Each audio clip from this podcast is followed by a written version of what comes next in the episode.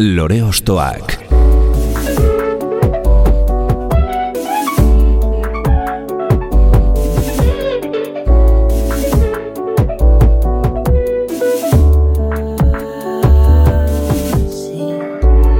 Ekain perezek aurkeztuta, gonbidatu bakoitza lore bat balitz bezala ostokatuko dugu. Jakiteko, zeintzuk diren bere lore ostoak. Haupa, zer moduz, ongi etorri lore ostoak saiora. Gaur, Nafarroako musikari oso berezi bat izango dugu gurean. Mila bederatzen dirurogeita malauean jaio zen beran, eta folk rock naiz, psikodelia doinuen gainetik, bere pertsonalitatea gaientzen da sortutako kantu guztietan, bai abesterakoan, eta baita ere noski gitarra bere eskuetatik hitz egiten hasten denean. Izan ere, bakarlari moduan edo bere lagunen alboan egindako basoan edo ontxo moduko taldez gain, gitarista moduan ere beste proiektu askoren laguntzaile gisa ere ibilitakoa da. Esaterako, Aton Rumba, Duncan Du, Mikel Erentxun edo Nacho Vegasekin. Aura edo energia berezi bat du bere musikak eta baita bere presentziak ere. Beraz, horren atzean zer dagoen deskubritu nahi dugu. Hau, lore ostoak da, eta gaurko gure lorea, Joseba Irazoki.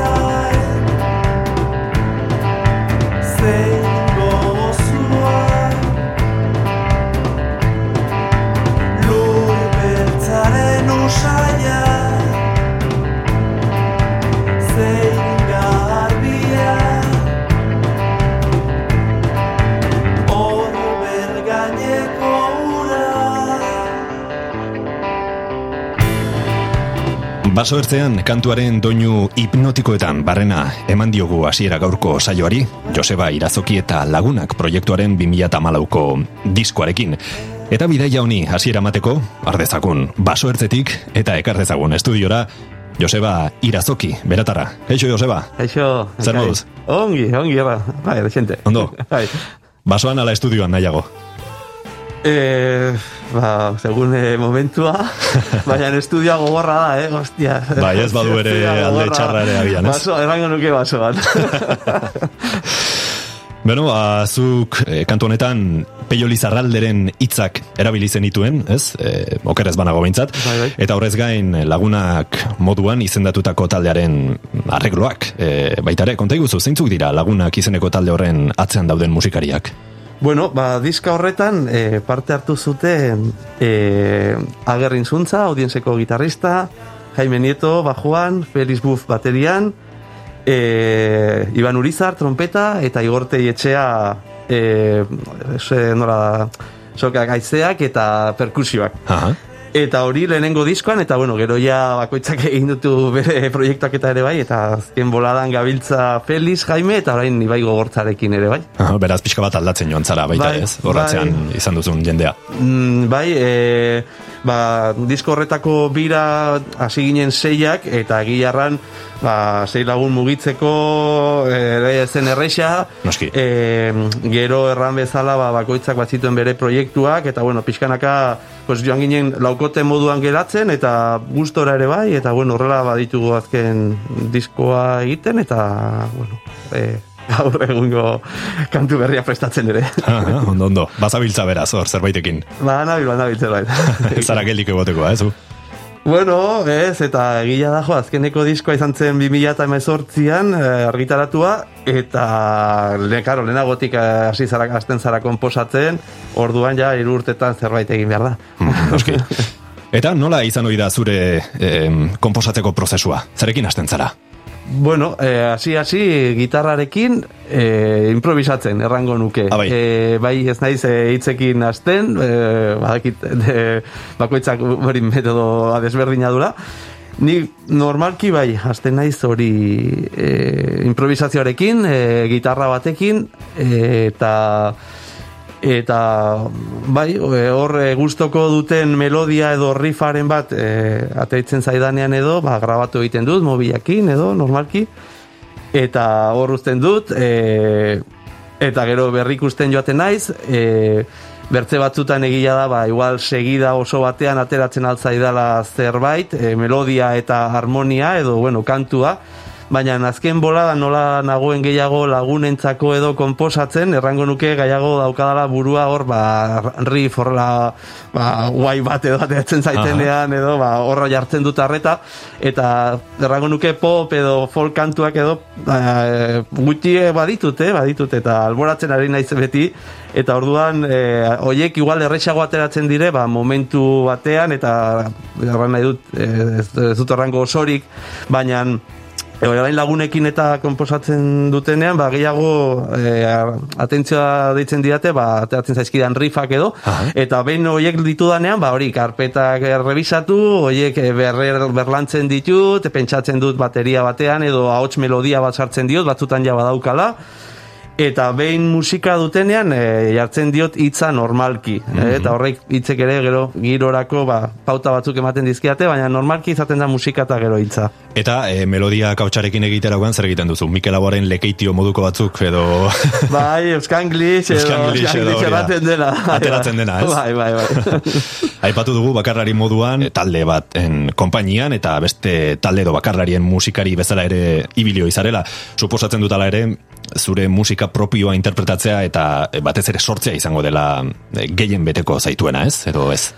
Bueno, ba, uste dut azken boladan e, ala dela, ala dela. Nik e, gitarra ikasi nuen, e, nire musika ibilbidea e, hortara zuzendu nuen, e, e, lehenengo urteetan hori izaten zen nire idu- diru iturri nagusiena, e, hortan jartzen dituen irrango nuke energia gehienak, baina denborarekin hori joan da e, berdintzen eta arrango nuke azken denboratan igual e, incluso atentzio gehiago ari naizela jartzen ere komposizio e, ba, e, alde horreri Eta bai, hala da, horitzen naiz ere bai, ba, inadale gardonek behinek errat, erraten zidala, ez, lagunak gara, aspaldi errantzidan, eh? Joseba, zuk zure bidea egin behar duzu, zure bidea, musikariarena guai dago, baina egin behar dituz behar duzu zure bidea, eta uste dut orain hortan na- nabilela, eta bueno, gustatzen zaite ere bai, eh? azkenean bertzen dako ere bai, ba, arregloak egitea, eta ongi, ongi pasatzen dut, baina herriarran, berran duzun bezala hori, gehien betetzen nauen agian orain, e, hori da, ez, bura uste gehiago ere bai, Noski, bai. Lan gehiago, baina bueno, gero emaitza ikusten duzunean horrek beteko zaitu. Bai, hori da, edo kantu bat gustoko duzunean, erraten duzunean, jode, ba, ezakit, ezakit satisfakzioa den, edo, bueno, ezakit, on, on, on egiten dizu, ez? E, bai, bai. Mhm. Nola definituko zenuke, zure musika? E, bueno, zaila da, gauza gaitz ezberdinak e, egiten ditu dalako, uste dut, ez? O bederen ibilbidean gauza desberdinak egin ditut. Orain, orain bertan egiten dutela, e, ez dakit nola definitu, ba, nahiko rock eh, nago, e, ez dakit, e, e, experimentala beti izan naiz, bueno, experimentazioa beti egon behar du nire ustez musikarien artean, hmm. edo bizitzan ere bai, eta, bueno, beti jarri naute horrez, Euskal Herri Maian bederen, ba, ba, bai, ba, experimentazioa, musika pixka bat, e, bati estotik ateratzen den musika egiten dutela batzutan, mik ez dut uste beste, eh? E, e, baina, baina bai, orain nahiko rockero nago, ere bai. Mhm. Beno, bazuk sortutako musika alde batera utzi eta e, zu sortu zaituen musikaren atzetik jarriko gara orain, hau da, zure ibilbide edo bizitzan esanguratsuak izan diren euskal kantuen atzetik eta horretarako, ba, beti egin ohi dugun moduan, zure lehen lore ostoa eskatuko dizut. Zarekin hasiko gara? Bueno, ba, hasiko gara oskorri den Euskal Herrian Euskaraz kantuarekin. Aha, eta zer gaitik, aukeratu zu abesti hau? Bueno, ba, baditut e, musika oroitzapen gehiago, e, aurra nintzenekoa edo, baina igual badiot kariño beretsi bat kantu oneri eta egia da, ba, igual etxean entzuten nuelako eta uste du noiz bait e, ba, e, beran bertan dizantzera kontzertu bat ikusi nuela beraiena. E, E, hori da, ez, e, ez dakit, e, e, ekartzen dizkit, e, musika horoitzapenak nire aurre denboretakoak eta e, talde honek e, sortzen ditu eta kantu honek bere xiki, pues bai, ba, ekartzen Zura dizkit. Zura e, bai, lotzen duzu, duz, eta, bai, mm musikarekin, bai. Euskeraren aldeko ere serki bat da kantu hau eta bertan esaldi hau, ez aldakizu euskara dela euskaldun egiten gaituena. Oso evidentea dela dirudien esaldia da, baina batzuetan gauza evidentenak ere norbaitek aurrez aurre esatea ere beharrezkoa izan ohi da. Zuk hori oso argi izan duzu zure musikan, beti euskera zabestu izan bai duzu, ez?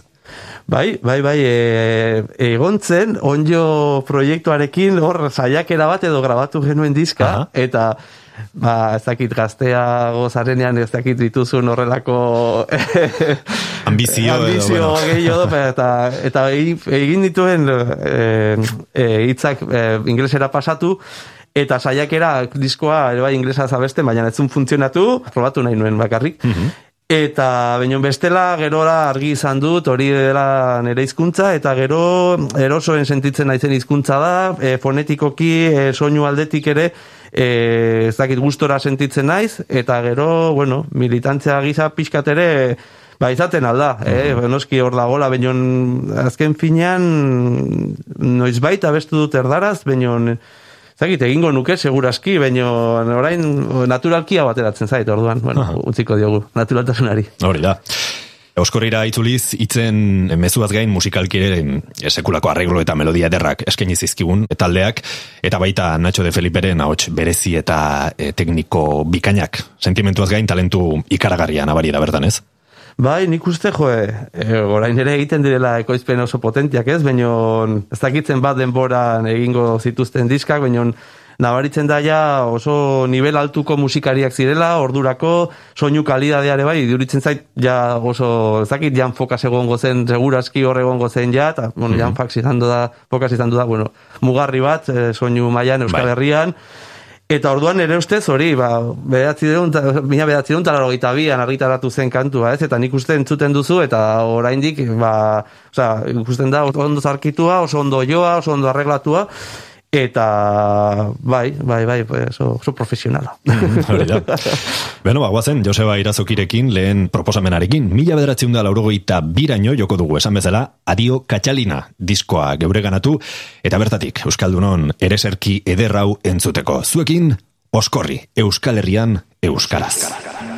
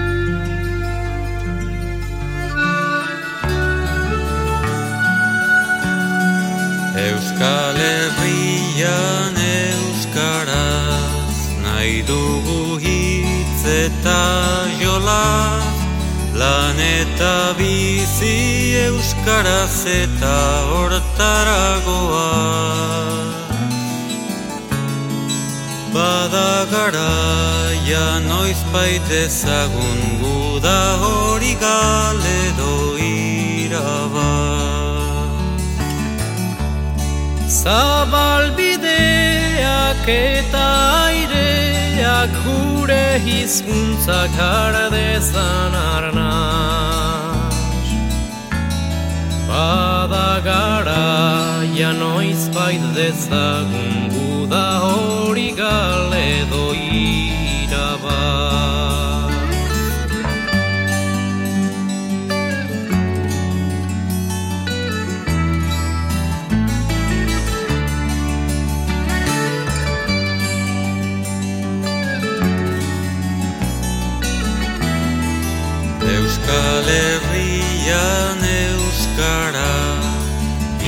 egiterik ez bada Bota dezagun demokrazia zerri askara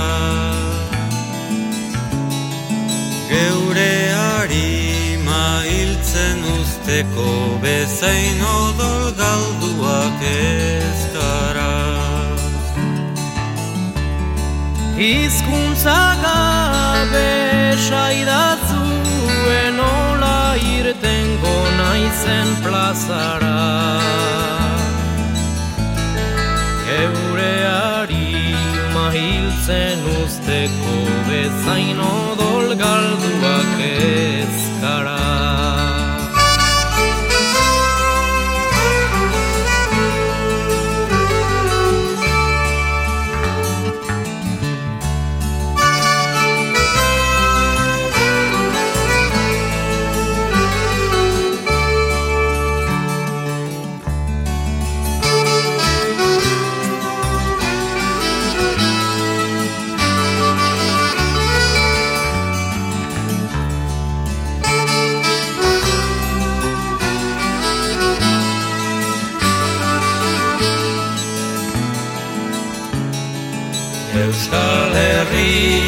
Euskalduna irabazteko eguna Pazientzia erre aurretik behar duguna.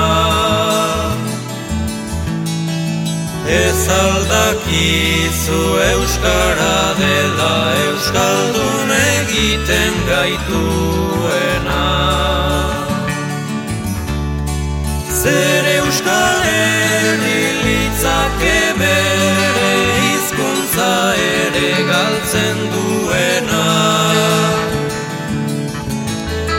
Ez aldakizu euskara dela euskaldun egiten gaituena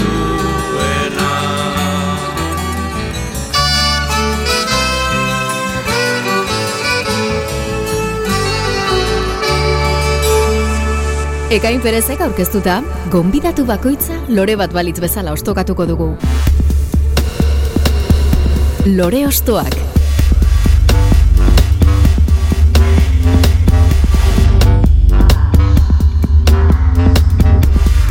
Euskal Herrian Euskaraz, Oskorriren abestia entzun dugu Josiba Irazokirekin, bide musikalaren lehen geltoki eginez eta guk noski Euskaraz eginez beste Euskal kantu baten atzetik joan nahi dugu. Konta iguzu Joseba, zarekin guaz orain? Ba, orain Mikel Lagoaren baga biga iga kantuarekin. Aha.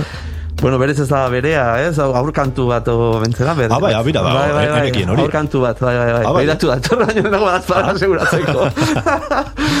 Eta bai, bai, aur kantu bat. Aha. Eh, zai, Niko Txartek ere abestu omentzun, eh, bertze bertxioa, baino, eta, baino, da, her- herrikoia, herrikoia da. Baino, hori, bai, nik, eh, lehenen goroitzapena igual, edo Mikelena, ba, igual, eh, kantu honekin edo bederen mar, markatu ninduna, ez? Eta gerora, pues, bai, bai, repertoria izugarria du, Claro. eta baino, baino, bai, kantu honek, ba, ezakit azkenean, ba, ere serkia ere bai izan Bai, oso, oso impactantea da, ez? Bai, abestia bera eta... Bai, bai, eta rollo nomatopeiko hori ere sartu, sartu zuenan ere, ez? Musikan, ba, ongi, bai. E, gure herriko musika esperimentalaren oinarritako bada, Mikel Laboa, edo behintzat folk musikatik abiatutako esperimentazioarena, e, behinik behin, zuk ere baduzu bidea egina, ez? Lehen aipatzen zenuena, esperimentazioa zuretzat zerbait beharrezkoa da musikan, ez? Bai, bai, ba... E, lehenago komentatu dugu, ez? Azkenean, e, beran, gure herrian, ba, egon da nahiko ohitura potentea musika esperimentalaren inguruan. E, zakit, ja, emezortzi, medetzi urtekin edo hor hasi zen, ba, e, ba, mugimendu bat e, ba, disko trukate, trukaketekin ba, kafe hartzera jaten ginenean eta eta hasi ginen ba, musika nahiko beresia entzuten hango kuadrillatxoa, ez?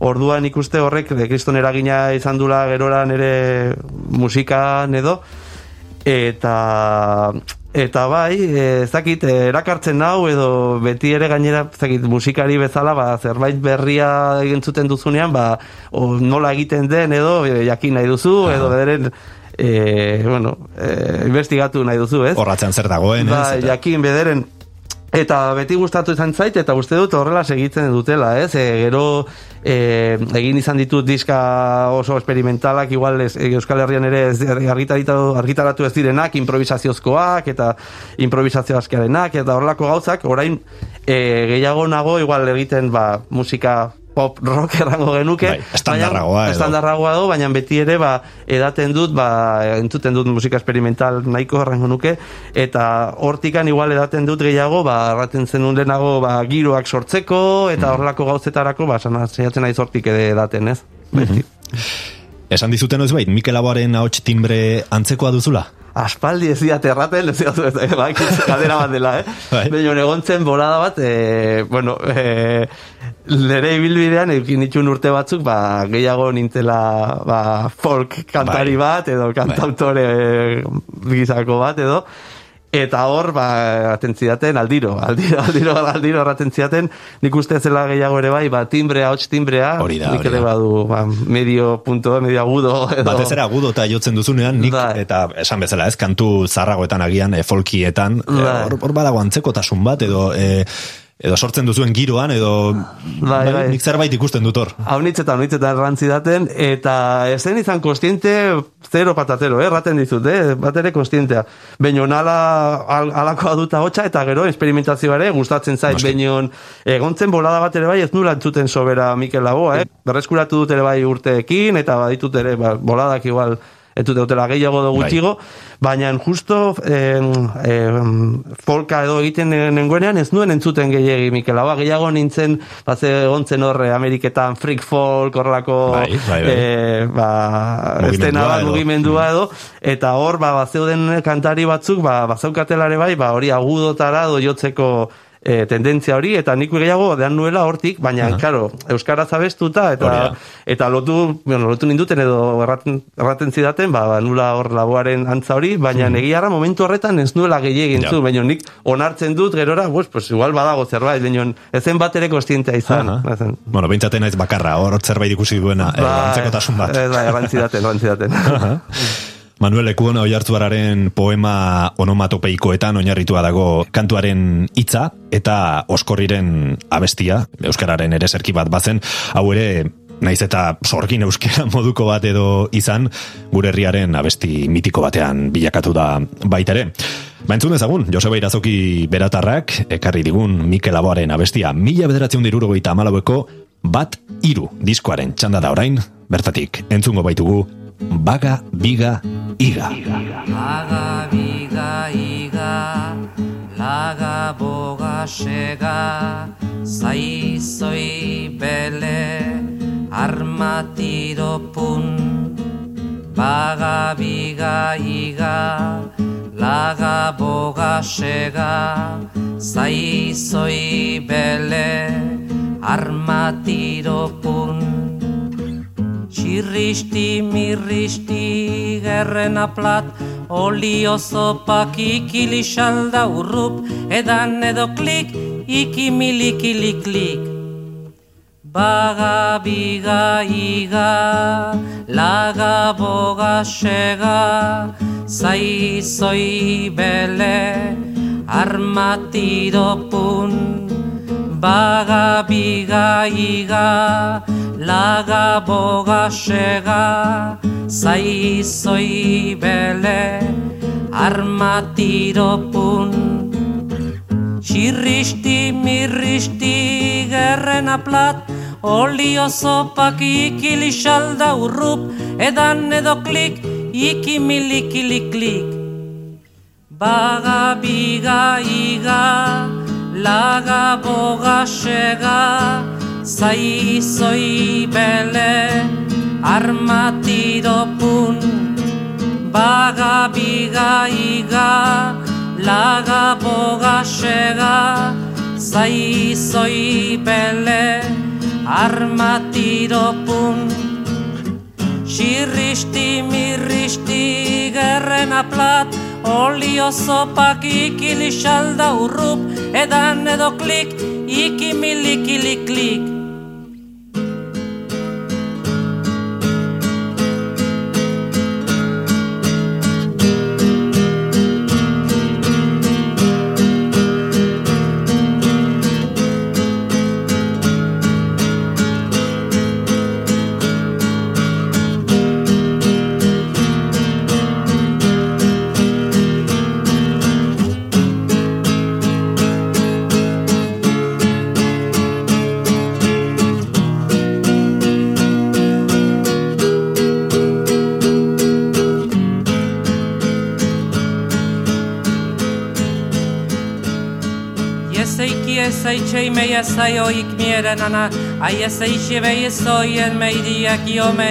wo e sai sei ave ye chienen e sei chieve ra sai e sai o soienen wo bien marai kiera sai chiedo no meigenen ara e sai ave kienen do ik min.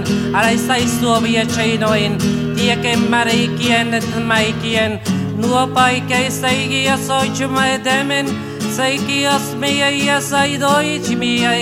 sai gi soi chuma demen sai ki as me e sai do ich mi ait Iesi bia kaido ban saikiei, saikia mei, Aba iesa bacha isuo ki mei kenain, Iesa idio saishito mei kien batama idien, Goso boiche da es mei ki edienin, Aba kie da melelat mei dia soi shuo donin, Ebe kie be saishe saishuo dien samain, Baka ikieren nei bin chebiano, Uobe se ke yenen saikienin, Dio kabia si oshia mi anava ki o inin ya ki ai ai. O ine sai ki ai die si ai jo de mien ha ki e so ichi ai ma ki e sa ba shai ki ot me yen an sai e payment o yen no ot me ki e sai shi o vinin a sai shi e sai ki en dai nien ne o ki e mai sa mai o yen sai chu o yen bai si e sa me chai ki o ni beis mi ein tuo sei sia di e chi e sai shuodien a chi e viene na mai e no in cimeni di e che ni e sei chi e chi o domi e sei ni e dai ni ni. O chi in sai di e ni ni o chi a sai shuo i chi e sei e i nei. Ma chi e sei chi e sai vi scegli o i chi e nin te i chi o ien sa mai a sai e ben sei nin. Di e dei sei scegli o chi e Ma bai sai shoyen sai no bai ki ben sai en gogien. Bai ki ots me di sai sho bien en bayerin Ye sai ye ye ye ki en meidin Di o iki e so iki e ni o i sai go ye Ni e ki e sai shie do in she ye sai ye nin Ma bai sei nients mai einin Ala ki es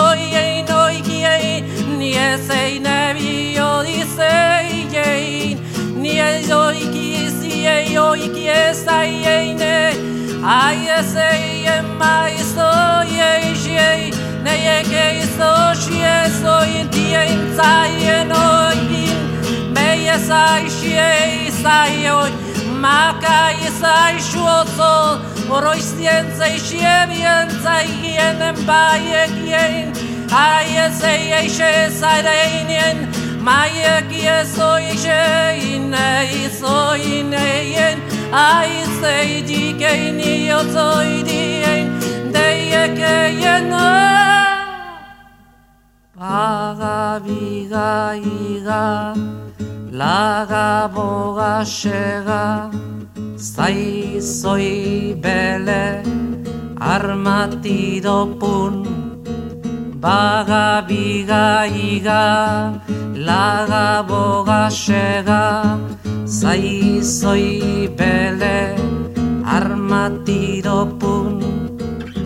Txirristi mirristi gerren aplat Olio zopak ikili salda urrup Edan edo klik ikimilikili Lore Ostoak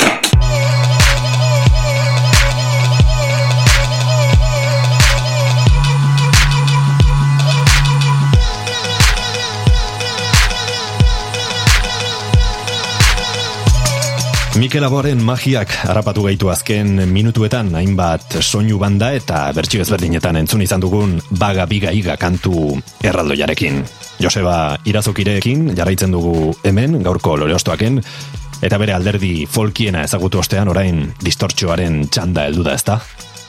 Ba, bai, ja, nire nerabe denboreatako kantu bat aukeratu dut, eta hori ja nire E, bueno, uste dut ere lehenengo disko erositakoa edo e, kortaturen zu atrapatu arte, aukeratu dut. Mm Askoretzat eta zuretzat gainera, berakoa izanik, irundik oso gertu, iraultza moduko bat izango zen, ez? Kortaturen soinua eta baita estenatoki gaineko jarrera, ez? Hori da, eta beraien mezua, ezakit, e, guretzako iritsi zen, bueno, orokorrean ez, ez? E, e, mugimendu osoa, ez? E, beraiek ez duten nahi e, hori euskal radikala do bezala bai. edo, baina bueno, gero horrela ezagutu dugu. Baina gu momentuan bizitu genuen, eh? Pa, amagost urtekin, osea, que puri-purian iritsi claro. zitzaidan olako momentu gauza bat iristea zure... Hormonak dantzan dauden momentu horretan gainera, ez? Da, da, zerbait brutala. Eta, bai, bai, horretzen naiz, e, mila vuelta, E, de hecho, berara etorri ziren, egon ziren kanpinean, lehenago, orain ez dago ja kanpina beran, eta intzuten hor festival bat, kriston, euri nahiko egintzula, mhm. eta bai, e, bai, izan zen, bai, bai, gazteroko lehenengo talde kutxune, kutxunena, eta diska hau, ba, bai, ikaragarri entzun genuen, bai, bai. Distortxoarekin zure lehenengo kontaktu agian? Ala ez. Ba, errango nuke, baiet, lehena, gero, aipatu behar dugun bertze talde bat, emaiko dut. Itoitz, e, izan zen, hauek poperogoak, eta itoitzekin, e, kontaktu haukinu nire arrebaren bitartez gehiago, ah. hauek poperogoak ziren, poperogoak ziren. Baina bai, distortxoarekin, bai, bai, kortatu izan zen, bai, bai, bai. Eta zer gaitik abesti hau? Ez dakit, horitzen naiz, ba, parrandatan eta kantatzen genuen anibeden hau, oiu, oiu batin, oiu batin, oiu batin, eta Eta, bai, ez dakit, e, burutara etorri zitzaidan lehenengoa, ez? Askatu zenian azkenean, ba, bai. mugarri izan diren kantuak, eta kortatun pensatzerakoan lehenengo etorri zitzaidan, hau izan zen egia igual sarri baino lehenago, baina mm. horitzen dut, bai, kantu hau, nik, ba, beste nula, bai, bai. Transportatzen zaitu nola bait gara hartara, ez? Total, total, bai, bai, bai. Mm -hmm. Donostian The Clash eta The Beat Britainaren kontzertuak ikusi eta gero sortu zitzaien Fermin eta Inigo Muguruza anaiei, ska, punk eta rock doinuak uztartzeko arra. Eta hasiera batean, matxin sorzalbal bere bateria eh, jolearekin elkartu baziren ere, Segituan treku armendarizek hartu zuen bere lekua kaki arkarazo gitarra jolearekin eh, batera. Laurogoieko amarkadaren erdi-erdian, mila bederatzen da laurogoita bostean kaleratu zuen kortatuk bere estrenuko diskoa eta bertatik txosna guztietan entzun izan dugun klasiko honekin topatuko gara beste behin. Zu atrapatu arte.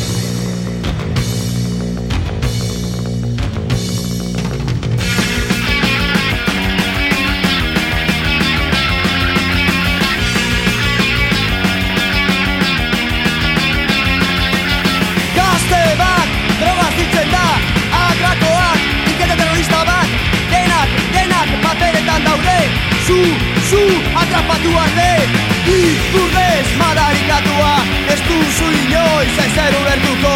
Zure kalean gertatzen dena Beti besten arazoak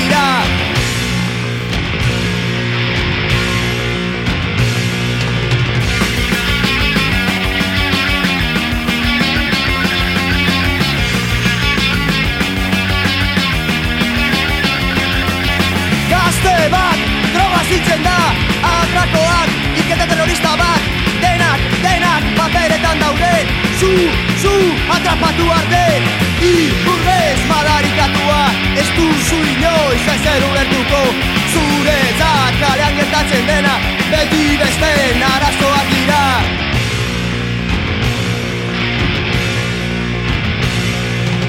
Iburrez madarikatua Ez duzu inoiz ezer ulertuko. Zure kalean gertatzen dena Beti besten arazoak dira Lore Ostoak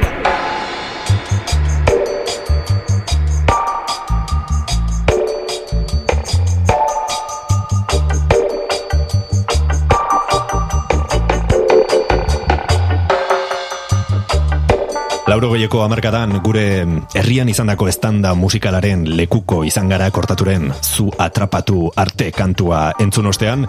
Eta amarkada zaldatu gabe, irundik mutriku eta ondarro artera joko dugu zure urrengo proposamenarekin, ezta, Joseba? Bai, hala da, ba, lehen aipatu duten itoiz taldea mm -hmm. aukeratuko dut, e, gal egiten, e, espaloian diskokoa, eta bai, hauek ezagutu nitu nire, nire arreban bitartez, eta igual bai izan zen lehenengo kontaktua ba, musika poparekin, e, e, nerabe edo pre nerabe, nerabe nintzenean, Eta bai, hor de repente ikusi nuen, ba, zaudela beze musika bota batzuk, eta eta gerora ba, entzuten segiten dut, tarteka edo, baina ikusten dut hori, ba, kriston musika, biak zirela, kriston diskoak zituztela, eta gainera, bai, e, ongi zartu dela talde, aitz ongi zartu dela, orduan. Mm Beraz, e, zure espektroa ireki zuen nola baita gian, ez? E, ito izan musikak. Bai, eta igual, bai, hori aurtzarotik nera bezazunera salto hori, e, salto hori e, ematiko e, balio izan zidan, ez? Edo, bai, bai. Baiza, bueno, amarkada berdina esan dut, baino ez atzago izan da urte berean. Bai? Kortaturekin batera, mila beratzen da laurogeita bostean izango gara orain ere, badirudi urte garantzitsua izan zela, zuretzako. Egia, egia, ez nintzen konturatu baino, bai, bai, berean dugula, hor da, gertzen da, eta nintzen bez nahi fijatu lehen Hori da, bai, bai. Ba, bai, ba, justo, bai, momentu horretan, e, ba, izaten alda igual arrebarekin entzutea e, ba, diska hori, eta gero nik erostea kasetea. Claro. Ez dakit, urrengo jabetetan, lasai ederrean, ez dakit. Mm -hmm. Musikari handieko osatutako taldea zen itoiz, esan bezala, eh, Juan Carlos Pérez edo Jean Marie Ekai esaterako. E, zentzu horretan ere, suposatzen dut, batez ere zu gitarista izanik, azken honen presentziak zuregan eragina izango zuela, nola baitez? Ba, ez pentsa, gero, ez? gero ezagutu dut gehiago ja Marie Ekairen izena, ni gehiago, uh fijatu nintzen gehiago, lehenko abestietan, egero bate izut, eta gerora, gehiago Juan Carlos Pérezen ibeiblidean, eta, bueno, ba, ba, bere komposatzeko moduan, eta ekai bai e, ukinon gainera egon nintzen gitarra ikasten ba, Londresen eta horre ukinon ah. molada bat e, pixka bat gitar giro gitar giro virtuoso e, bo, bideo bat egiten hasi nintzela edo bederen ikasketetan eta adibidez ba, ja mariekai itoitz eta gero gehiago egin du bilbide hori, ez? Musika bai. instrumentala, ba, jazz fusioa egiten, eta nik hori egiten hasi nintzen pixka bat, gehi urte, medetzi, horre, e, eta eta hor bai, ezagutu nula gehiago jamari, eta baina e, nuke, bai, bai, diskotan kriston gitarra gaude, gara da, baina gehiago nire ustez. Beranduago ezagutu zenuen, beraz, bai. agian alderdi teknikoagoa e, bilatzen ari zinenean, ez? Hori da, hori da, baina netzako hori, eito da gehiago da, taldea, kantuak, eta hor, bai, hori, hori superretzen du gehiago. Mm nola hasi zinen zu gitarra jotzen edo nola sortu zen instrumentu horrekiko lehen harremana? Baduzu oroitzapen konkreturen bat edo? Bai, bai, e, bueno, aur gehienak bezala, musika eskola batean, baina egia da, e, orduan txe, beran ez eguela e, gitarra irakaslerik musika eskolan, ez egoen musika eskola propiorik, bat egoen udaletxean ematen ziren solfeo klaseak, eta ikasten altzen akordioia eta, eta pianoa. Uh Eta, bueno, e, betiko dut. e, eta historia da hori, ba, nik e, ba, argi nuela, nahi nuela gitarra. E, eta gero, ikusi genuen, herrian bazegola jende gehiago ere, gitarra nahi zuela, baina e, nire etxean galdetu ziatenean, edo solfeoan, e, erran nuenik, argi nahi nuela hori gitarra. Mhm. Eta ezen e, irakaslerik, eta urte horretan, e, joan nintzen, ba, ba herriko e, tipo baten gana, ba, euskal kantuak e, ikastera, ba, akordeak ikastera. Eta ja urrengo urtean edo ja e, saiatu ziren ba, nire gurasoen bitartez ba, kanpoko irakasle bat ekartzen eta ja bigarren urtean ja nintzen ba, ba, irakasle profesional batekin. Eta hori izan zen nire esperientzia profesionala izan zela ba, amala urte arte edo ba, musika eskolan, gitarra klasikoa ikasten, baina ez dare ongi, baina ez da sobera motivatua, eta tarrango nuke hori, ba, laro bostean edo bai, amala amagos urtekin, hor ja, ba, musika hauek entzutean, ba, kortatu itoitz eta horrela, ba, bai, sortu zitzaidala, ba, ba, elektrifikatzeko arrori, edo zen eh, gogo hori, eta hor bai erosiziaten lehenengo gitarra elektrikoa, eta hor jasi nintzen, gainera, ba, suerte hau nitzaekin, ba, batiz mitikoarekin gitarra ikasten, bera orduan tapeta leturia banden zegoen, eta tapeta leturiak beran ensaiatzen zuten, orduan Fernanek e, bazeukan musika denda bat bertan, eta han ematen zituzten klase partikularrak, eta ja musika eskola utzi nuen, eta hasi nintzen batizekin, ba, gitarra ikasten elektrikoa, eta hor hasi nintzen gustatzen zitzaidalako, eta ordu pila saltze, sartzen, eta hor... Mundu berri bat iriki zitzaizun horrez, bai, bai, gitarrarekin ere beste gauza batzuk egin altzirela, ez? Bai, bai, bai, bai.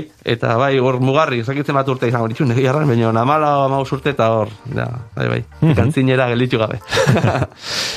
Txantxangorria da besti honetan eh, protagonista eta mm, esango nuke zure kantuetan ere naturaren referentziak behin baino gehiagotan erabili hoi dituzula. Agian e, gura alderdi primitibo edo intuitiboena esnatzen du euriaz, errekaz, lurraz edo ontxo ez hitz egiteak? Bueno, ba, pixkat bai, e, batez ere e, nire lehenbiziko etapa komposatzaile bezala egin nuen lehenbiziko etapa horretan, azkenean folk musika egiten nuen, e, ba, folk musika bai lotzen da gehiago gaur egunean bederen, ba, horrelako gaiekin, mhm. edo, eta gainera, bueno, ezakit, e, erran dut, e, ohitura dagoela Euskal Herrian ere poesia musikatzeko, nik hortara jo nuen, ez nituen nik e, letrak egiten, eta eta e, e, aukeratzen dituen poemak gehienak bai zuten ba, bai naturarekin zer ikusi, gero beti errain izan diate, ba, azkenean bera batean bizitzea, herri giro batean, e, ba, mendiak e, inguruan eukitata, bueno, zer ikusia eukiko zula, Baina nik uste ba, musikarekin lotura zeukalako, adibidez, orain mm, rockeroago nagola edo, e, ba, ba hitzekin ere bai uste aldaketa nahiko egin dutela, hasi naiz ere bai pixkat gehiago ni idazten, eta bueno, gai ez dute errango urbanoak, baina gai sozialak arduratzen daute gehiago, ah. eta horrelako gaiekin nahi naiz gehiago, ez? Mm, bai, beraz, estiloak berak nolabait markatzen du baita ere, edo, bueno, e, lehen lotzen zenuen folk musika horrekin, eta orain beste gai batzuk bai, e, ikusten dituzu agian, ez? Bai, bai, ez nuke, bai, bai. Bueno, a mila bederatzen da lauro bostean jarraituko dugu, beraz, e, Joseba irazoki korrela nahi izan duelako. Ito iztaldearekin, Juan Carlos Perezen ahotsa entzungo dugu, espaloian diskoko abesti, erraldoi eta magiko honekin. Egal egiten. Amez bat, beti egoten intzen, haren bizitan zai, haren bizitan dançar.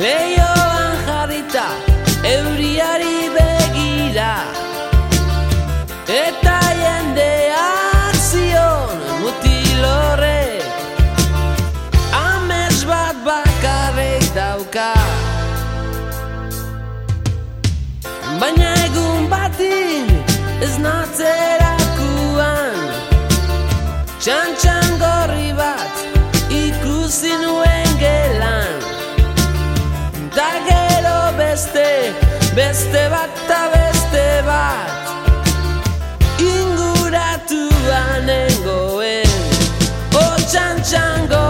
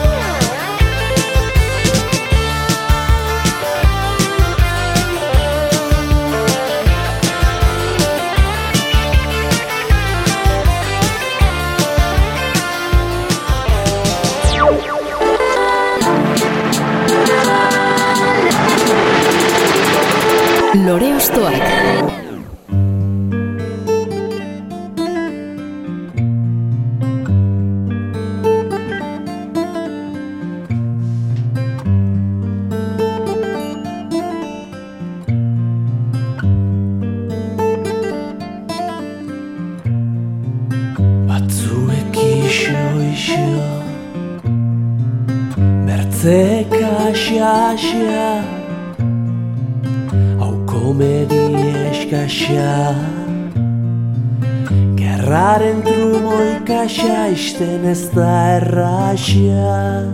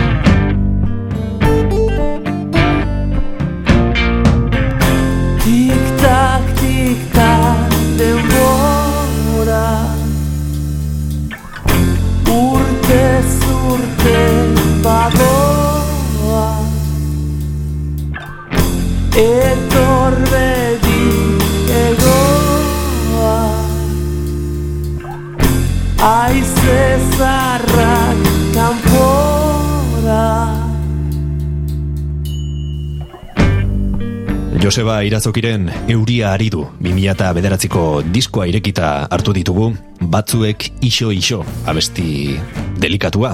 Zure alderdi folki eta intimoena entzun dugu hemen, ezta? Bai, ala da. E, ja eginak ditun bi disko eta erdi. E, bai, hildo horretan, baina nik uste diska honetan e, uste dute Manuela formula, bueno, oberenarekin, edo beden gustoen gelditu nintzen diskoarekin, hau da, beden, batez ere komposizio aldetik, ez? Gero soinu aldetik nahiko lo-fi edo etxean ah. egina izan zen, eta horrela, baina uste dut komposizio aldetik, bueno, hor diska bietatik gehien asmatu nuen diskoa igual hau izan zela. Mm Zure etxean grabatu zenuen diskoa? E, ba, gitarrak, ahotsak eta dena nere etxean, eta gero bateriak e, e, lokalean, Aha. eta uste da hau dela, ez, diskanetan.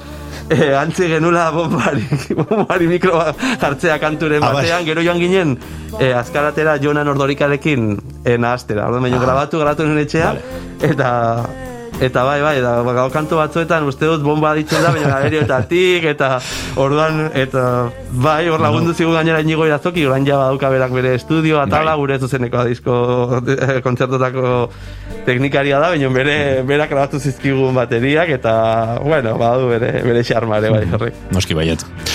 Mikel Taberne irazoki lesakarrerenak dira hitzak ez? Bai, bueno, lesakarra, ez dakit, ah, ez. alkaiaga, bai, bai. Ah, bai, nik irakurri dut lesakarra, agian, aserretuko zaigu. Ez que berez, berez, eh, lesakan parte da alkaiaga, baina Ah, alkaiaga vale, da uzotxo bat dagoela bera eta eta lesakatean hor neraita horkoa da eta hau Ah. Mikel nere, nere, nere, nere Hore da, galdetu bai. behar nizun, ea familiako zenun edo... Bai, nire lehen guzua da. Eta orduan da alkaiaga independiente. bai. Beraz hor, bi, bi herrien arteko Bai, bai. leia modukoa dago, Bai, bai, bai. Berak idatzi zuen liburu, liburu bat alkasoroko benta eta hor alkasoro jarri zion izena Ah, bai, eh? herriari. Aha. Bero, bale, ba, iraz, irazokitar hau zure familiakoa da, beraz, Bai. geratzen da. Bai, eta... Zezarete gutxi, eh, inguru hartan. Ez, baina ez gara dena, oza, musikarien artean guzo gutxi gara familia.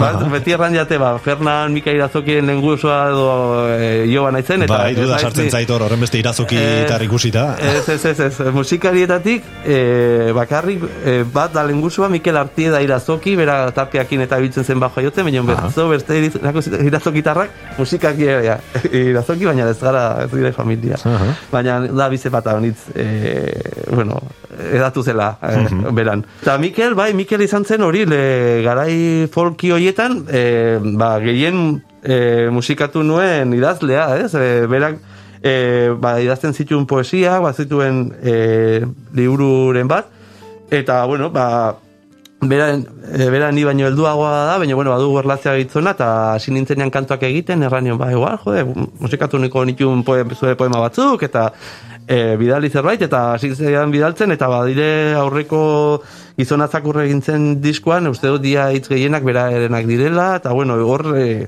ba, euki genuen oso e, erlazio estua eta nire musika garai horretan oso lotua dago berari. Bai. Mhm. E, kasu edo kantu hauetan ere lehenik melodia egina dago eta gero hitza edo edo hitza hartu duzu eta hitz horrekin moldatu duzu melodia edo Ez, nola. ez, e, musika, musika lehenengo. Bai, bai, bai, bai. Eta zer egiten zenuen, berari melodia erakutsi eta berak melodia horrekin Ez, lotu edo edo? zuzenean berak, berak ja poemak e, e, bidaltzen zizkian, eta nik egokitzen Hori txertatzen joaten bai, zinen. Bai, igual hori melodia pixka aldatzen nuen, baina bueno. Ritmikoki agian pixka bat aldatu, Hori ez? da, edo? baina, bai, baina oinarri bat eukita, gero hori, ba, aldaketak egin, eta listo. Aha. Esaldi bat baino gehiago e, dira azpimarragarriak bertako hitzetan, baino bada bat gaur egungo bueno, sare sozialak, fake news eta konfrontazio gara jau ezin hobeto plasmatzen duena. Batzuendako argi, bertzendako ilun, armatiro pun. Denek solas eta solas ezin elkarri entzun. Ez? Bai, bai, balio du, ba, edozen garairako, edozen, eta ba, seguraski triste bada, balioko du esaldi horrek. Bai, denbora askorako askorako, Ze badirudi inoiz baino baliabide gehiago ditugula komunikatzeko, baino geroz eta zailagoa dela elkarru lertzea, ez? Bai, bai, e, bai, uste dut baietz, bai, e, erraten duzuna, igual bakoitzak bere buruan e, ezakit individualistagoak garen, baina igual errexagoa da hori, sare sozialetan gauzak botatzea, eta hor gelditu dire, igual, bueno, titerren badaude diskusioak eta, baina igual ez dago horlako debate, hainbesteko debaterik, edo erran nahi nuke, igual, hori, ba, individualistagoak, igual, Mhm. bai. Tira ba, euria ari du diskoarekin zure musika alde batera utzi eta beste musika batzuen bila jarraituko dugu. Zer da orain proposatzen diguzuna? Bueno, ba, justo irazokitar eta hitz egiten ari ginela. Ba, Beste bat, ez? Bai, emeak taldea, hor eh, Xavier Montoya, Kaki Arkarazoren taldea, baina baita, hor zeuden, ba, hasieran Fernan Irazoki, eta nire lenguzu eh, Miguel Artida Irazoki, zuzenean bederen, eta grabazioan, lehenengo diskan, igual uste dut ere zegoela. Aha. Eta diska horret, honetan ja dago Mikel Irazoki, dela Hori da. Fernanen anaiak, bi anaiak, eta bie, biek egin dituztela, bueno, ba, ba, disko pila bat, Euskal Herrian, orain Mikel Davila bai, boserekin jotzen, eta Bai. bueno, E, orduan, bueno, ba, aukeratu dut, e, ba, uste dut ere bai, talde hau, bueno, ba, kristona izan zela, gutxi ezagutu zela, gerora, ba, e, eman zaiola bere behartzuen. Kultuko talde bat bezala bilakatu da. Ba, bilakatu da.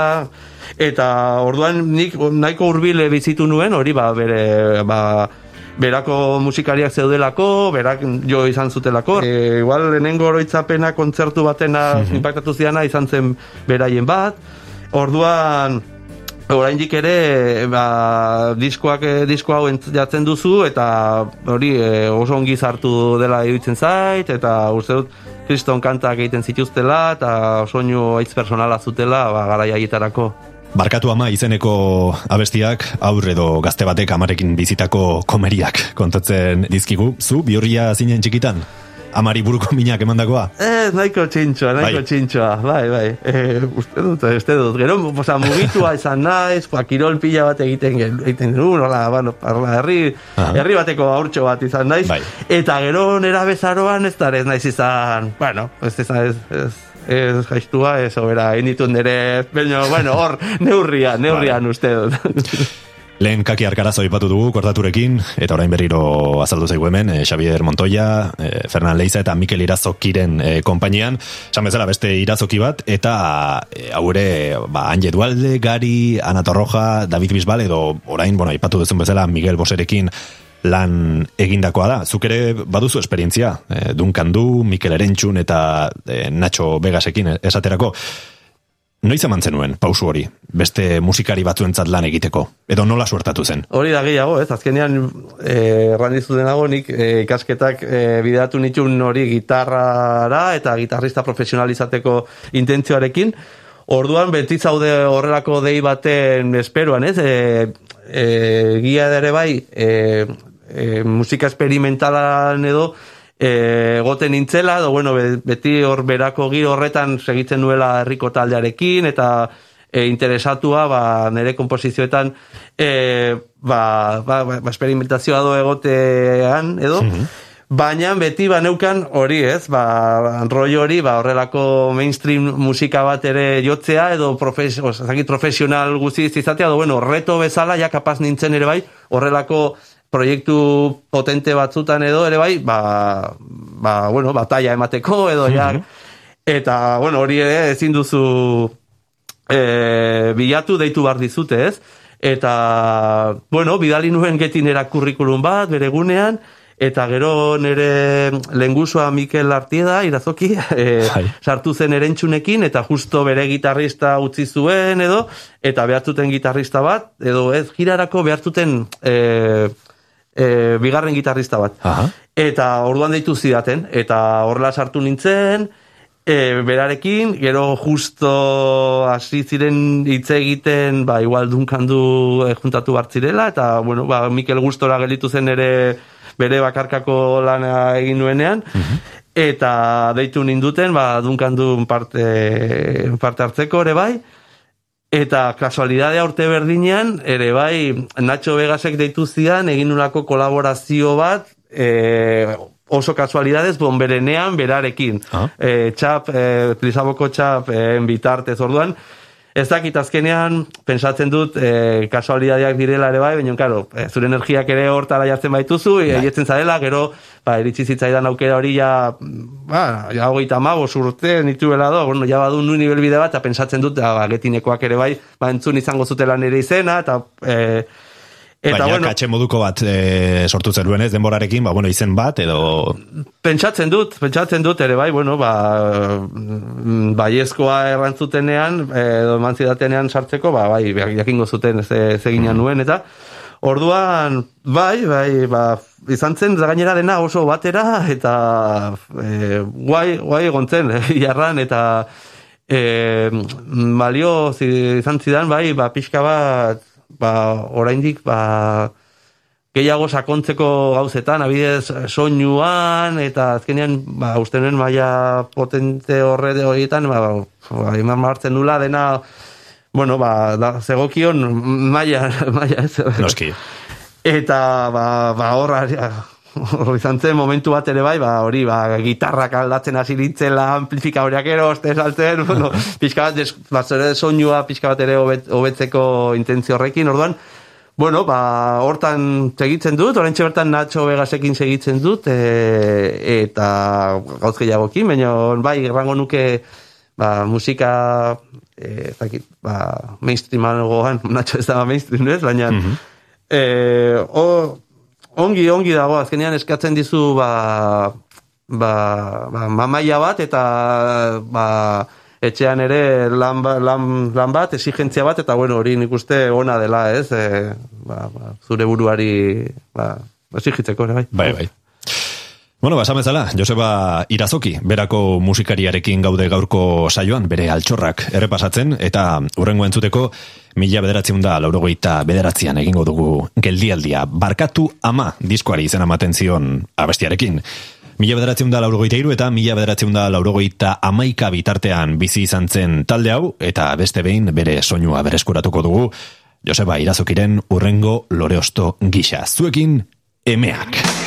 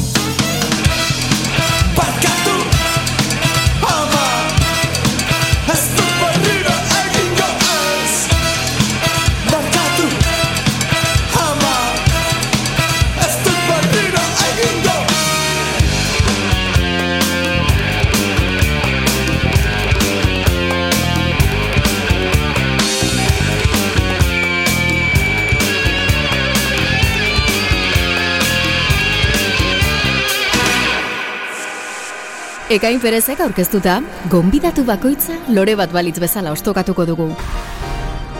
Lore ostoak.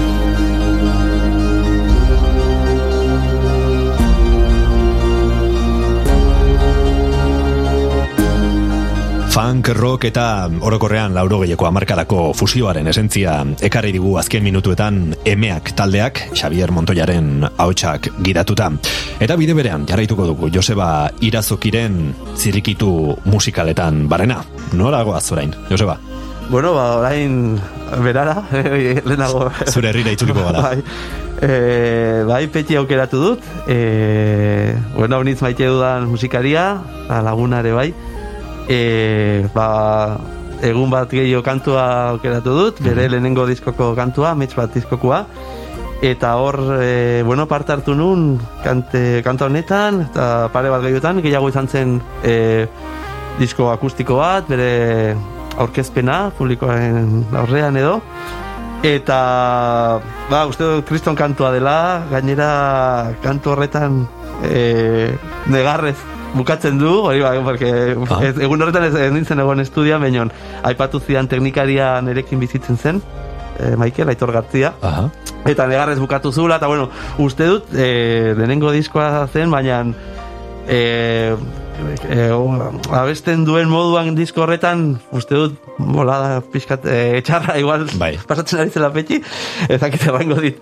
E, baina e, erakusten duen sentimendua uste dut e, oso oso barrutik ateratzen dula e, kantatzeko modua eta pila bat ukitu nindun diskoak, eta gero ere bai mugarri izan zen, e, petirekin hasi nintzen gitarrista bezala, ora kontzertuak ematen, e, izan zen ere bai, ba, Xabier Montoyarekin justo hasi nintzen aldi berean, mm -hmm. Maixa eta Itxiarrekin, baina izan ziren irulen ere irungo, irulenengo taldeak, ba, ba, profesionalki e, ba, gitarrista bezala aritzeko, ez?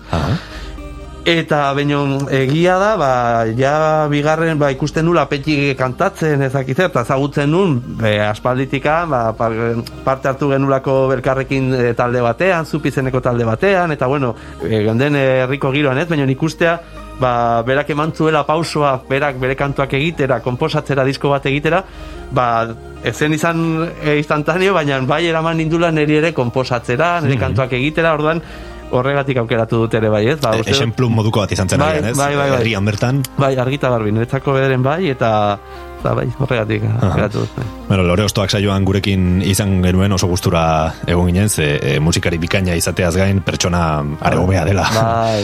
Esango nuke. Bai. E, esan duzuzuk ere ezagutzen duzula, aipatu zigun, bueno, eta entzun genuen noiz Hole taldean hasi zen e, lehen pausuak mm ematen, eta kontatu zigun, bera urte mordoa egontzela berako taberna batean lanean, ez dakit nola izena duen, egia san, Pui, baino, pui taberna. Pui. Pui, pui, pui. Aha, ba, ba, han elkartzen omen zineten herriko gazte asko eta musika konpartitzeko gune moduko bat zela lekura, ez? Pentsatzen dut ez uerean non baiti biliko zinela. Noski, noski, belenago aipatu dizut, eh? azkenean hori, gelditzen ginen kafe hartzera, gainera petxi zegoen tabernan, berak kristo musika jartzen zuen, guk ere bai, eramaten genituen diskoak, eta uste dut momentu hori izan zela hitz garrantzitsua ba, gerora beran ateri diren gauzetarako, ez? E, ba, hori, e, indik ez internetik, ez den USB trukaketarik, edo deus ere, orduan, guretzako hori zen jana eta bazka, eta orduan hor, ba, kristona disfrutatzen genuen, eta gero, gero etxera jaten ziten ba, garatutako diskoekin, nahiek entzutera, eta gainera, ba, disko nahiko, e, gusto nahiko zabalak zeuden ere bai, ez? E, ba, peti bera rock, country rock, ba, zegoen beste bat, e, ba, hori, ba, Xavier Erkizia e, musika experimentala aramaten zuena, beste, bueno, orduan, ba, genien, ere bai, ba, ba, zakit, identidade edo personalidad desberdineko pertsonak ere bai, bineon, eh, ongi elkartu ginela, ez? Denon artean zerbait sortu zen duten, ez? Bai, bai, bai. Ze galdetu nion berari eta zuri ere galdetu behar dizut, e, ze jaten duzu beran, horren besteko kultura musikala eta batez ere emankorra izateko. Mm, bai, ezakit, e, nik e, beti erraten dut, uste dut, e, beste herritan ere bai, badaudela e, hainbeste musikari eta e, gainera gauzak e, editatzen edo mankorrak diren e, musikariak, nik uste e, beran eukidugula oi hartzun bat, igual e, haunitz ere profesionalizatu garelako, gero e, igual e, musika estilo beresi xamarra e, izan dugulako, ez, ez dugu estena bat izan, ez da nahi ere, baina bai izan ditugula horlako karakteristika batzuk, orduan bai fokoa batzutan egondu da, bueno, bederen, den, dendeari atentzioa deitu dio. Ba, nik errango nuke ezakitze herritan, ba, naiz ez izan horren bertzeko jartzuna, ere, badagola jendia lokaletan, eta gero egia da, beran izan dugula suerte, edo, bueno, beti udaletxeak e, lagundu gaitu, guaindikan baditugu lokala, guiatzen Hori komentatu zuen, petxik ere. Ez dugu deus ordaintzen, badugu hor aduan aztean azarra zenean, erritik bost kilometrotara, ez diogu inor molestatzen, eta oraindikan funtzionamentuan dago, ah. gu gestionatzen dugu, baina beraiek ordaintzen digute argia, ura, eta bueno, horrek ere, bueno, laguntzen du, baina Baina nik uste hori ba, azkenean, ba, ba, bueno, goi hartzun polita auki dituztela gure proiektuak, ez? Eta gero, ba, berezitasun hori, ba, izaten alda ere bai, e, nago aipatu dizut ere bai, ba, nire ustez muga ondoan bizitzeak, e, Frantzia eukitzea ondoan, nahi dut, ba, po bordelera batzutan joan izan garela kontzertuak ikustera, gero po eta bordeleko taldeak batzutan egondu dire jotzen herri herriko taberna horretan, eta eta bueno, ba, egiten zituzten musika ezoikoak ere bai, eta igual, ba, zakitze herritako norbaiteri ezitzaion hori horren errexe aietzen, e, zakit, ba, bor disko trukaketa horretan, bazagoen e, gor miarritz baion artean distribuidora bat, e, non e, Xabier Kizia bera joaten zen hor diskak e, hartzera, eta bueno, beraiek ere saltzeko orduan, e, pues, e, ukitzea muga ondoan ere, nik uste, bederen musika estiloan, badura, izan duela eragina, ez? Mm. Negantzuk aipatzen zenuen, ba, onjarbin bai. ere bai, bizabo eta hoekin ere bai, ba, musika, ba, igual bereziago bat egiteko ba, igual ere ba, badauka zer ikusia, eh? Bai, bai, eta e, saio batean baino gehiagotan ere, bueno, Ruperrekin eta beste batekin komentatzen ibili gara, ez? Nola beti iparraldean, ba, Frantziarekin izan dako harreman horrekin, ez? Agian hemen e, mugaren bestaldean hermetikoago izan gara, ba, frankismoaren ondorioz, eta bueno, hainbat e, Bai, gai ezberdinen eta hor, ba, zuek hor muga ondoan egote horrek be, zerbait suposatuko du bai, bai, ar, bai, bai, bai, zurgatu dugu alde horretatik niretzako desberdin, bederen desberdin, mm -hmm. eta bai. Horrek gero personalia da moduko ateman dizu. Markatzen duen, ikusten da, ikusten baiet. Mm -hmm. Mila bederatzen da laurogeita meretzian, Joseba irazokiren jaioterrian, beran, geratuko gara beraz orain, petxi artistaren ahots grabe eta sakonari paso eman da. Gogoratu, petxirekin egindako saioa, baino, orain, bere amets bat izeneko diskotik hartuko dugu, Joseba Irazokiren urrengo proposamena. Egun bat gehiago, zuekin, petxi. Itzak ez du balio momentu honetan Nola esplikatu pentsatzen dudana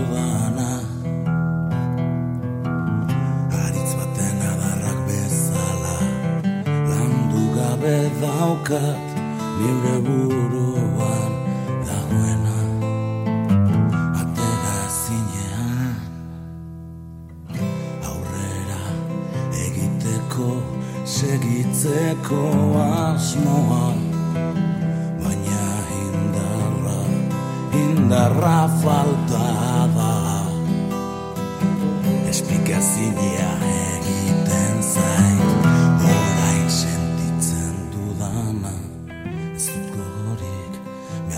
baiagian ala bada lortu izanen dut nik nahi nuena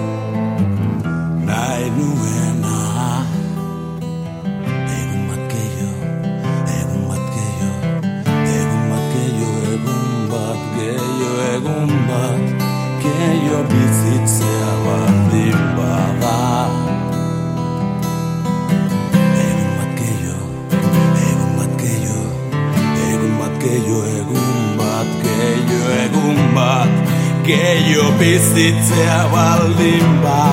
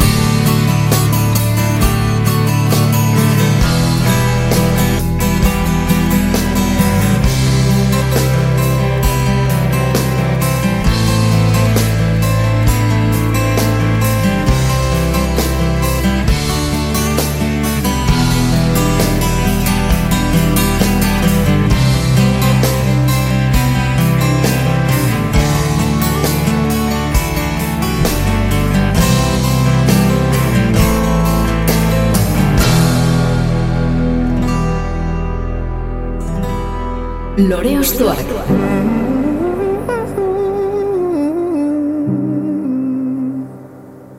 Egun bat gehiago, petxiren oiu lazgarri moduko bat den kantua entzun berri dugu eta titulorekin oroitu naiz berarekin izandako konversazioaz, non esaten zuen zaila zela musika munduan egun bat gehiago, irautea, ze e, nolako sakrifizioa suposatzen zuen eta burutik pasazi zaiola, e, behin baino gehiagotan den alde batera ustea eta berriz ere e, arakin lanetan jartzea. Zuri pasazaizu burutik noizbait musika alde batera ustea?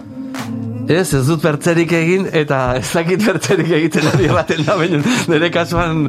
Ez duzu zure burua beste inon ikusten, meintzat. Ez que, ez, ez, ez, ez dut bertze lanik egin, eta ala da, orduan, ez, ez, ez, ez inezkoa. Bueno, gu, gu pozik, eh, jarraitzen mazu. bueno, beste kantua eskatuko dizut, Joseba? Bai, ba, bueno, eh, ari gara lotura egiten, da, azkenean, uste dut nahi gabe. bueno, Bai, ez. lotura normala egotea, azkenean aukeratzen ditu Noski. Naiz. Beñonera aipatu dugu, ba, gure mugaldeko, ba, e, bueno, zera hori, ez? E, musika egiterakoan, aipatu ditugu Lisago, eta, bueno, aukeratu dut, dut taldea, ez? Onjarbiko taldea, e, sortu eta aztea kantua, at diskokoa, Aha. E, oroitzen naiz, gainera begira, e, e, ba, hori, petiren diskoa grabatu zuen Aitor Gartziarekin, Maikelekin, ba, jaten ginela diska hori entzuten, gainera, ge- bera zen ni baino fansago, eh, ran behar dut. Baina jaten ginen entzuten, ba, atorra horraten den bezala, eta, ba, e, ba, auto oroitzapen ona, aitzona, eta karo, gainera zeuden, e, hor, gure, gure ondoan bizitzen, e, orduan, ba, kutsi nitun, e, irukotea guainikan, e, oza, boskote zirenean edo, lesakan, atxaspin egiten zirela kontzertu ba, pila bat, Aha. eta karo, gu hor geha hor geunden, ba, ja gure taldearekin, baina, karo, ikusten ikusi genuen, hauek, ja, zaudela ja, berte maia batean, espabilatu zutela ja, eta orduan bai, flipatu, flipatzen genuen dutekin, eta disko hau eh, zehazki, ba, honitza ditu genuen, gero e, biran oroitzen naiz e, bergaran egin zuten e, kontzertu batean, jairukotean, ba, claro, hainbeste entzunta gero, iruditu zitzaren, ba, zuzenean ere, brutalak zirela, e, hor, e, katarain zegoen tekstun teknikari ere bai, orain dela gutxi egon naiz e, Castellonen, Elena Setienekin jotzen, Aha. eta hango ba, dut ere bai azkenean atera ziren estatu maila Bai, edo asko mugitu ziren, bai. mugitu ziren eta ba, kultu taldea bihurtu dare bai estatuan. Eta e, hango ba, tipuak e, antolatu, kontzertu antolatu zen tipuak erraten zian, jo, eski hiru ziren eta iruditzuen zeudena mila. Eta nik bergarako e, kontzertu honetan sensazio hori hartu nun ere bai eta claro, gerora ezagutu dut katarain eta pixkat e, zolasten, baina claro, zegoen gitarra bat eta, claro, doblatzen zituzten gitarrak, ez dakit jartzen diote uste dut delay bat, eta iduri du daudela de repente hiru gitarra, eta nik, oza, ezin nuen siniste, estrubelek egiten zuela. Eta, bai, hori, ba, momentu horretan ere bai, ja, mezortzi urtekin, ja, bos hori, ja, hasi ginen, talde batean, ja, ja burua duzu pixka bat, ja, pensatzen, jo, musikari izan nahi duzula, edo beren kontzertuak eh, ari ginen ematen ja, eh, baina, eh, pues hori, beraien izan ziren pixka bat, como, hostias, pues ez dakit, hau izan nahi dut, eh, baina pixka bat, pixka bat, bai, edo, nahi dut iritsi hauek dauden nivel horretara, ez? Bai. Eta estilistikoki ere haize freskoa ekarri zuten, ez? E, Bap edo fugazi moduko taldeen e, soinua e, bereganatuta, e, bueno, lehen aipatu dugun bezala kortaturekin eta bidasoa inguru hartan e, dut beste iraultza bat izan zen. Bai, bai, bai, bai. E, bai, zerbait berria ekarri zuten, ez? E, bai, e, musika estil hori gainera euskaraz egiten ari zen gerota gehiago e, musika internazionala iristen, erraisago Bai. zen gauzak lortzea, baina beraiek ere nik uste alderretatik, ba, ba lehenago iritsi ziren. Eta gero, bueno, Xabi Strubel, Joseba Ponce eta Galder Izagirre e, Jode. ziren dut, hortik gero ere egonda gehiago ez, Egonda E, gehiago, orduan. bereien bakarka, bueno, bakarka ez, baino Joseba Ponce bai, bakarka esan Bai, dezakegu gero J. zura. Peloian bezala e, e, aurkeztu Bai. zuen proiektu bat, ez? Hor Bai. geratu da, bueno, disko Bai, bai, diskazo bat bitxia, diskazo bat, hori da, Bai, bai. eta, bueno, Galder Izagirre beritxarrakekin ero, Bai. e, gero ezagun egin Xabi, beraz. Xabi Zurarekin, ere Hori bai. da, hori da, beraz, e, horrekon da zer Bai. esana eman dute gerora ere. Bai, horregatik, hor bazegolako zerbait, ez? Eta hiru personalidade oso potente orduan, claro, hiruek batuta, pues, hori horrelako bai, bai, bombazoak atetzen ziren. Mhm. Esan dugu, ba, Xabi Struel, Joseba Ponce eta Galder Izagirrek osatu zuten taldea, lehenik mila bederatzen da laurogeita amairutik laurogeita amaseiko tarte horretan, eta gero laurogeita emezortzitik bi mila eta zortziraino aktibo egon zirelarik. Gaurkoan, at, mila bederatzen da laurogeita amaseiko diskoarekin hartuko ditugu, Joseba Irazoki keskatuta, eta entzungo dugun, abestia urrengoa da, sortu eta aztea. Lore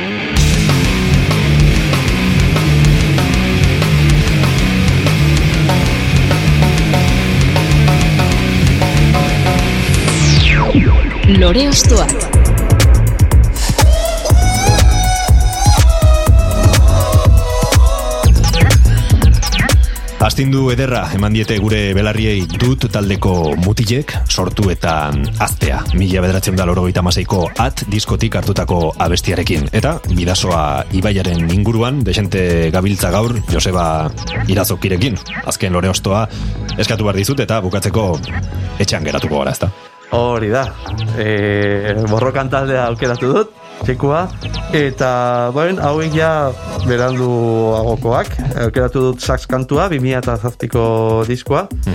Eta, bueno, e, borrokan aukeratu dut, e, ba, egia da azken urtetan, eta rango nuke igual lagunaken lehenengo diskoan, e, nire intentzioa da, bueno, ba, e, ari nintzen gehiago, ba, horrelako taldeetan, ba, atentzioa jartzen, ez? Ba, borroka, Jupiter John, e, gora Japon, eta gero internazionalki ba, beste batzuk, ez? Ba, tortoitz eta horlako post-rock munduak, ba, e, erakarri nindun bola batean, eta erakartzen nau. E, ez dakit orain zertan nago ezazki, bai ez dut errangu post-rock egiten ari naizela, e, baina lehenago zehaztu gara rock berezia Bai. edo pop berezia egiten dutela, erraten dutela batzutan, eta orduan, bueno, niretzako borrokan izan duda talde bat, ba, hortan, ba, siratik, ba, ba, bueno, marka bat izan dutenak, eta niretzako, ba, ikustea talde bat, jode, horlako diskoak egin onak egin dituenak, gero zuzeneko eta nola funtzionatzen duten, eta jo, ba, ba, gogoa sortu, sortzen, sortu didatela, ba, horlako musika e, egitera ere, bai, ez, azkenean ni, bueno, ba, dut taldea, eta bagara taldea, naiz, e, mm, bakarrari bezala aritzen, baina, baina beti izan dut, erranuke horlako zerbait egiteko gogoa ere, bai, ez, eta, bueno, ba, bai, markatu, markatu da, bueno, ba, begiratzen, bai, begiratzen Bai, dut eta zuri bezala ziur e, beran jende askori. Bai, bai, bai, azkenean, bai, bai, e, bueno, ba, haunitz maite dugun taldea da, eta bai, bai, e, orokorrean, bai, bai. Taldea mila bederatzen da laurogeita amaseian sortu bazen ere, hiru disko bakarrik kaleratu dituzte. E, gauzak poliki eta lasai egintzaleak direla dirudi, ez? Hori da, bai, bai, aritzen da nerekin jotzen, eh, baina nik erraten diot, osea, nik emari haunitz dut, orduan baditut gauza onak, erdi onak, erdi purdikoak. Eina, beraiek egilarran egiten duten guztian, etzako dagola hor, maila oso altu batean. Baina, claro, horrek, e, bueno, ba, egiteko modu desberdinak dira. Noski. Dutek ere egiten, egin zituen, ze bat, hiru diska, egiten zituen bost, Bai. bost urtetik behin diska eta borrokanekoak, bueno, orain ere bai, ez daude nahi dut, profesional, bakoitza baitu badu lan bat, familia, orduan, eh, ez dakit, eh, denbora gero eta gutxiago dute, baina bai, ez dire eh, haunitz editatzekoak, baina igual azken urte, urtetan gutxiago, baina izan du da talde bat, naiz eta agitz gutxi editatu, ensaiatzen zutela, astero, behin edo bitan. Aha. Eh, baina, claro, baina kanta guztiari ematen diote Ja, mila milioi buelta. ez? Ba, Orduan, bueno, ba, eh, lan egiteko modua, baina horri, ba, bueno, azkenean emaitzak ekartzen ditu, eta, bueno, hori egiteko modu desberdinak, ez? Baina, Hmm, beraiena, pues, guai dago, edo bai. Eta bueno, esan duzu, e, bertako musikari batzuk ontxo eta on benito proiektuetan zure alboan ibilitakoak e, dira ez? Hori da, hori da, bai, bateria. Baita petxi eta etxeko uztan baita ere. Bai, bai, bai, eh, hori da, bai, azkenean, bueno, ba, ba, ba lehen aipatzen genuen beran, ba, gara... Eh, Komunidade bat, ez? Bai, eta gauza proiektu desente gondure, baina azkenean berdinak gara proiektu, proiektu Bai. guztitan, edo ja berdinak. Eta bai, eh, Mikelek eh, onbeniton jotzun, nerekin, ba, duon hasi gilean, gero ibai sartu zen, eta bai, bai, hori da, hori da, bai, bai. Baizin genuen talde egokiagorik izan, Joseba Irazoki beratararen azken loreosto gisa, 2008 goaz, hitzez ulertu ezin dena omendu nahi nuke oraintxe, titulupean aurkeztutako lana osatzen duen abesti batekin. Borrokan taldea da, urrengoa, eta abestiaren izena, Sax.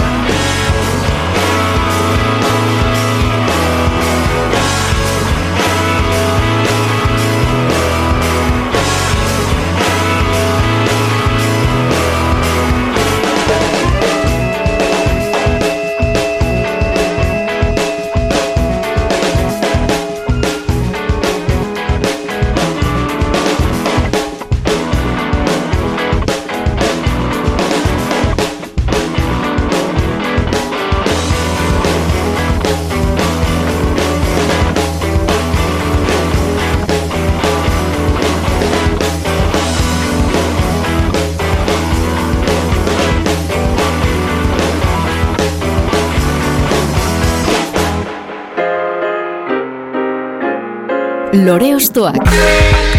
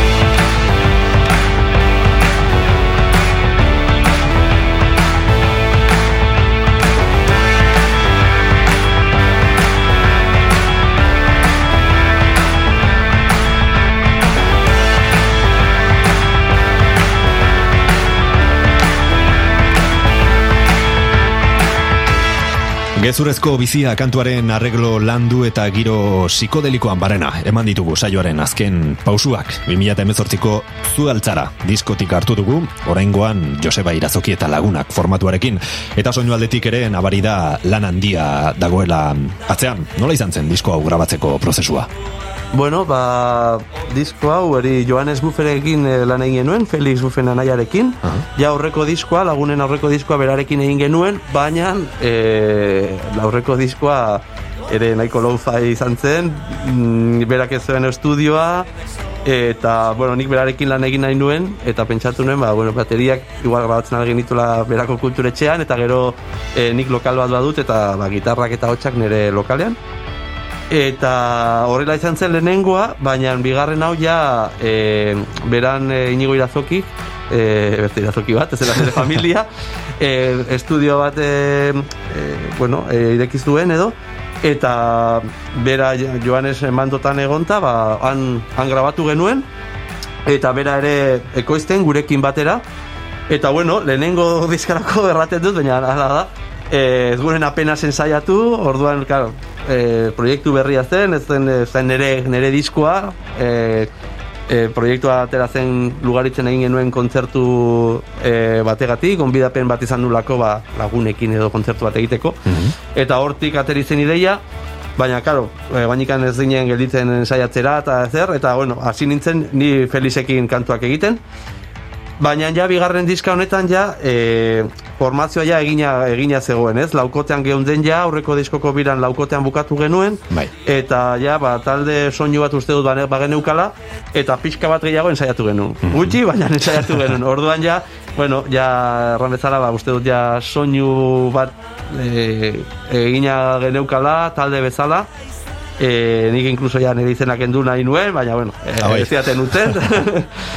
eta hori ez lehenengo diskatik, eh? baina, bueno. Aha.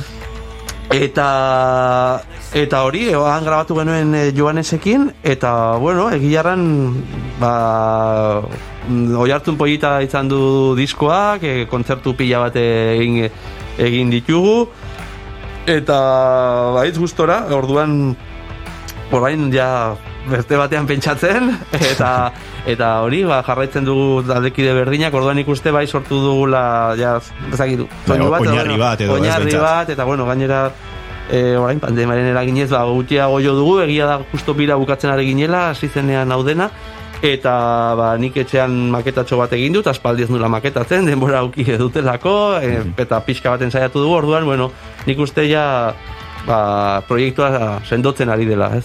Mhm. Nahiko irazoki ez baditu izan gaurko kapituluan, kantonen letra ere Dani Irazokik atzi Egia- zuen, ez? Egia da, egia da, bai, bai. Hori zure familia da? Ez da, ez da, ez da. Vale, vale.